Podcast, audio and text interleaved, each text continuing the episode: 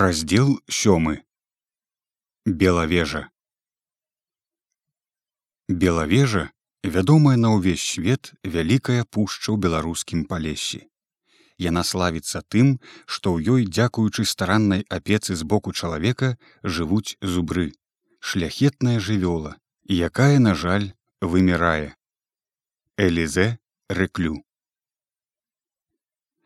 Віленскія фабрыкі, которые засталіся пасля рускіх паступова скарачалі работу, а потым пачалі і зусім зачыняцца. Дробныя рамеснікі мелі такую сякую работу даўжэй. Адылі і ў саматужных промыслах з часам наступіў поўны застой. Немцы спярша адчынялі падманныя канторы праз падстаўных асоб розных жулікаў з дробных віленскіх капіталісцікаў абвяшчалі ідзіце записывацца прыходзьце з інструментамі і вывозілі под вартаю куды хацелі потым пачалі лавіць беспрацоўных мужчын прост на вуліцы і калі хто не хацеў ехаць у нямметчыну ў капальні дык мусіў хавацца або ўцякаў на вёску і рабіўся там часовым хлебаробам. Я не меў гэтага клопату аж до конца 1915 года пакуль працаваў на лесапільні графа тышкевіча Работа ішла ў нас па-даўнейшаму. Праўда, пачалі зацягваць выплату зарплаты. Прыйшлося пазнаёміцца з барахолкаю, разгрузіцца ад лішніх рэчаў у хаце. Але затое скарачэнняў у нас не было і не прадбачылася, бо работа ў нас не толькі не скарачалася, а нават павялічвалася. Кажуць, не кажы гоп, пакуль не пераскочыў. Немцы выдумалі механізацыю, замест жывых людзей паставілі свае новыя варштаты. І нават і ў нас падвялі пад скарачэнне адразу чалавек 30. Аднак жа ўсё рабілася не без людскасці. Табельшчыкам на маё месца паставілі аднаго старэнькага рабочага, а мяне скарацілі. І да мяне таксама была праяўлена людскасць. Нават без мае просьбы выдалі мне пасведчанне са штампам, часова скарочаны, каб не злавілі мяне з маёю дэфектнаю рукою дзе-небудзь на вуліцы пакуль буду шукаць сабе якога зручнага занятку. Памазалі мне па губе салам а я і рад. А ўвечары перад саменькім ражством калі ішоў я да маці каб з'есці ў яе куці або хоць напіцца смачнейшай гарбаты затрымалі мяне немцы на юраўскім праспекце каля вітрыны з каўбасамі. Пашпарта пры мне не было. Я ім тыц сваё пасведчанне часова скарочаны. Пакруцілі яны носам, пакруціў адзін, пакруціў другі і на ўсякі выпадак, каб не было памылкі, папрасілі мяне прагуляцца з імі аж за віллю праз зялёны мост у былыя пяхотныя казармы 106 уфімскага палка. Не далі рады мае тлумачэнні і пратэсты. Нарэшце, бачачы перад сабою людзей тупагаловых, а таксама добра ўжо ведаючы нямецкую акуратнасць, не надта я і тлумачыў і пратэставаў. Сцішыўся і паплёўся з імі як на ланцугу. Там разбяруць. Прывялі мяне туды і зачынілі мяне там пакуль што з іншымі такімі ж разявакамі што папаліся ім у кіпці на вуліцы як і я. Але я быў пэўны што ўсіх вывезуць а мяне выпусцяць і спакойна чакаў разбору справы.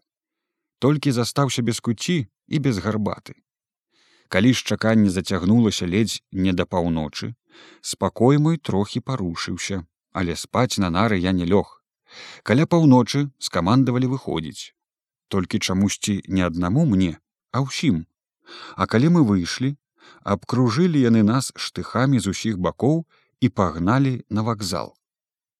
Там у ціхім тупічку пасадзілі яны нас у цяплушку бяспечы толькі з дзіркаю для трубы ў столі зачынілі на замок і павезлі ў невядомым кірунку. Усім калектывам трэсліся мы адсцюжы як цюцькі, а ў залежнасці ад індывідуальнасці, хто плакаў, хто маліўся. Адзін кандытар вельмі плакаў, што жонка ў яго павінна праз колькі дзён апрастацца ад цяжару. А я вельмі шкадаваў, што не мог нават паштоўкі маці скінуць, каб хоць ведала, дзе я дзеўся, чаму не прыйшоў на ціхую святую вячэру. Пацяшаў я сябе тым, што і тут не без добра. Гэтак я скіну з сябе нарэшце ланцугі сямейныя прывязнасці. Не буду трымацца за матку як сысунок. У дарозе каго вывелі раней, каго пазней і новых да нас на станцыях падсажвалі. Усе вельмі баяліся, каб не павезлі ў нямметчыну у капальні. І калі мяне выводзілі, кандытар крычаў мне ўслед, абліваючыся слязьмі: шчаслівы, шчаслівы. Шчасце маё было ў тым, што прывезлі мяне на работу ў белавежу, у самую пушчу каля вёскі дубровы, на лесапільню нумар 3. І прабыў я там месяцаў 10, пакуль не ўцёк. Лесапільня наша была даволі вялікая. Мела яна восем вертыкальных лесапільных рам для звычайнай распілоўкі, тры гарызантальныя для распілоўкі вялікіх кражаў з дарагіх цвёрдых парод, потым некалькі абразных баліндэраўскіх варштатаў, шмат цыркульных і маятнікавых піл тарцовак і розных іншых. Дрэвы спілоўвалі і ручным спосабам і піламі з прыводам ад невялічкага маторчыка вывозілі і конямі і трактарамі і рукамі на вагонках па вузкакалейцы. Падганялі па вадзе рэчкаю каналамі канаўкамі, карчавалі пні і цэлыя дрэвы таксама і ручным спосабам і падрыўнымі шашкамі.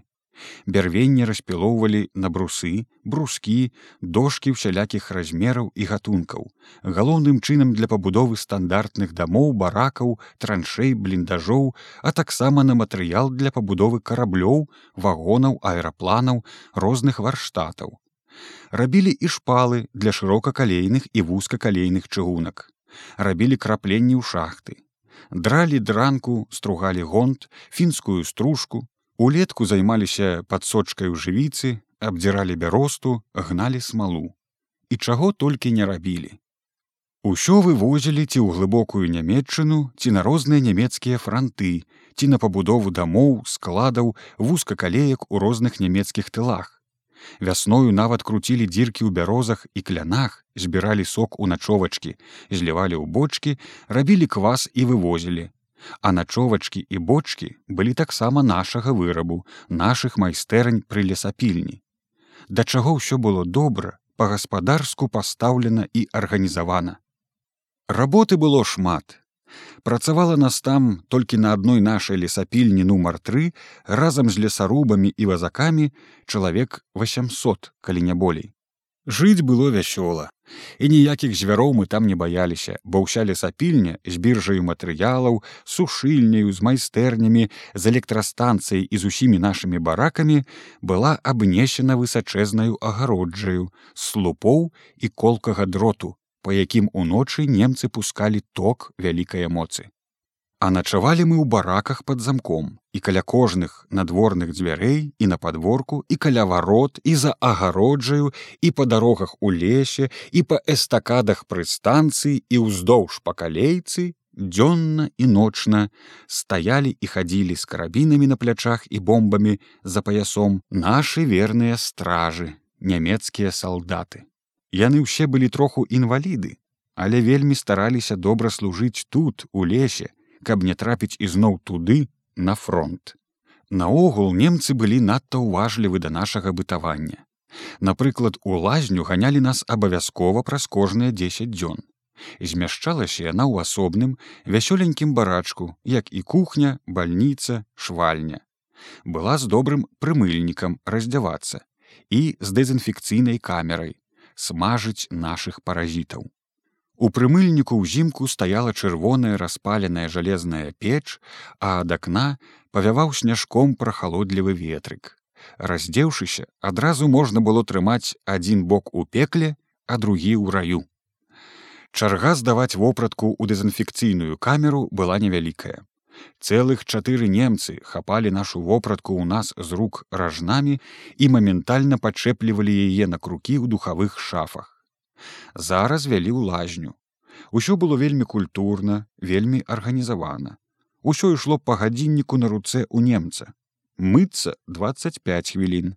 Даюць лыжачку жыткага мыла наліваюць на далонь і марш под душ дзеля той жа культурнасці парнага аддзялення так шкоднага для здароўя ў нашай лазні не было хоць і жадалася дзікаватым людзям як мы паляжаць у цёпленькім і пацёпкацца былі зроблены душы над галавою. Аднак жа і нямецкая тэхніка часам качала. Дожджык павінен сыпацца сіцечка на галаву, а ён не сыплецца. А калі нарэшце пасыплецца, дык або такі гарачы, што і галава аблезе, або такі сцюдзёны, што і вар'ят апрытомнее. Але акуратны немец акуратна рэгулюе хвілін 5-10. Не яго клопат, што тэрмін наш кароткі зараз канчаецца. Вось ужо скончыўся і нас гоняць далей. Адзяёмся мы ў другім прымыльніку праз лазню ад першага ізноў чатырох немцаў з ражнамі адчыняюць заслоны ў духавых шафах ужо з гэтага боку і моментальна павыкідаюць усю вопратку. Гарачую падсмажаную аж прыпахвае патэльняю з-пад бліноў. Хутчэй хутчэй рускія свінні ласкава жартуючы падганяе немец з гадзіннікам на руцэ. Но ну хутчэй хутчэй польскія свінні таксама ласкава ўторыць яму другі немец таксама з гадзіннікам на руцэ. Была тут у нас і свая бальніца у асобным і таксама даволі вясёленькім барачку. Не давялося мне там ні добра адпачыць ні супакоіцца навекі як удалося вельмі вельмі многім. Але на медыцынскіх аглядах пабываў там шмат разоў і я Там быў пацешны старэнькі доктар немец, што раней доўга жыў у лодзі і добра ўмеў і па-руску і па-польску. Ён быў кароценькі лысенькі і надта рухавы чалавечак.